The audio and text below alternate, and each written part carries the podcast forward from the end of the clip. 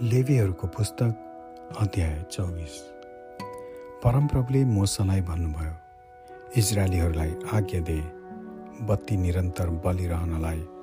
तिमीहरूले प्रकाशको लागि कुटेको भद्राजको चोखो तेल ल्याउनु।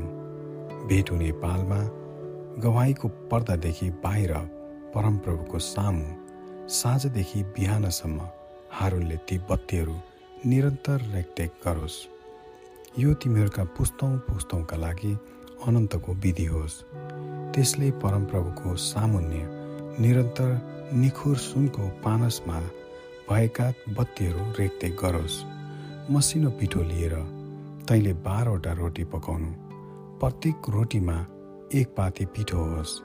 छ छवटाको लहर गरी दुई ताँती परमप्रभुको सामु निखुर सुनको टेबलमा राख्नु।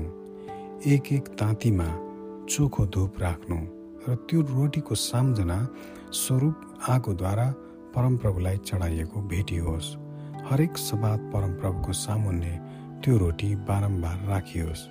इजरायलीहरूका निम्ति यो अनन्तको करार हो। हारुन र त्यसका छोराहरूका निम्ति त्यो हो र तिनीहरूले पवित्र ठाउँमा त्यो खाउन्। किनकि परमप्रभुको निम्ति आगोद्वारा चढाइएका बलिहरूमध्ये यो तिनीहरूका सदाको भाग अति पवित्र हो। एकजना मिश्री बुवा र इजरायली आमाको छोरो इजरायलीहरूका माझमा गएको थियो। त्यस इजरायली स्त्रीको छोरो र एकजना इजरायली पुरुष छाउनीभित्र आपसमा झगडा गरे।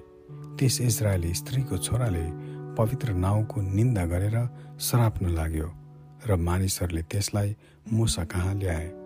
त्यसकी आमाको नाउँ सलोमित थियो। त्यो दानका कुलको दिब्रीकी छोरी थिए। परमप्रभुको इच्छा तिमीहरूले थाहा नपाएसम्म त्यसलाई थुनामा राखे तब परमप्रभुले मुसालाई भन्नुभयो त्यस श्राप बोक्नेलाई छाउनीदेखि बाहिर लैजा। र त्यसले भनेका कुरा सुन्नेहरू सबैले आफ्नै हात त्यसैको टाउकोमा राखुन्। त्यसपछि जम्मै समुदायले त्यसलाई ढुङ्गा हालेर मारुन् तैँले इजरायलीहरूलाई यसो भन् जसले आफ्ना परमेश्वरलाई सराप छ। यसको निम्ति त्यो उत्तरदायी हुनेछ। परमप्रभुका नाउँको निन्दा गर्नेलाई सारा समुदायले ढुङ्गा हानेर मार्नुपर्छ। स्वदेशी अथवा परदेशी जोसुकै होस् त्यसले परमप्रभुका नाउँको निन्दा गर्यो भने त्यसलाई मार्नै पर्छ। कसैलाई मर्ने गरी हिर्काउनेलाई मार्नै पर्छ। पशुलाई मर्ने गरी हिर्काउनेले त्यसको भर्ना दियोस्। पशुको साटो पशु कुनै मानिसले आफ्नो छिमेकीको कुनै अङ्गको नोक्सान गरिदियो भने त्यसले जसो गरेको छ त्यसलाई त्यसै गरियोस्। चोटको साटो चोट आँखाको साटो आँखा दाँतको साटो दाँत जसरी त्यसले कसैको अङ्गको नोक्सान गरिदियो त्यसलाई पनि त्यसरी नै गर्नु। पशु मार्नेले त्यसको भर्ना गरोस् तर ज्यान मार चाहिँ मारिनै पर्छ। स्वदेशीको निम्ति र परदेशीको निम्ति एउटै किसिमको एन होस्। म परमप्रभु तिमीहरूका परमेश्वर हुँ। मोसाले इजरायलीहरूलाई यो कुरा बताएपछि तिनीहरूले त्यस सराप्नेलाई छाउनी बाहिर लगेर ढुङ्गाले हानेर मारे। यसरी परमप्रभुले मोसालाई आज्ञा दिनुभए बमोजिम इजरायलीहरूले गरे।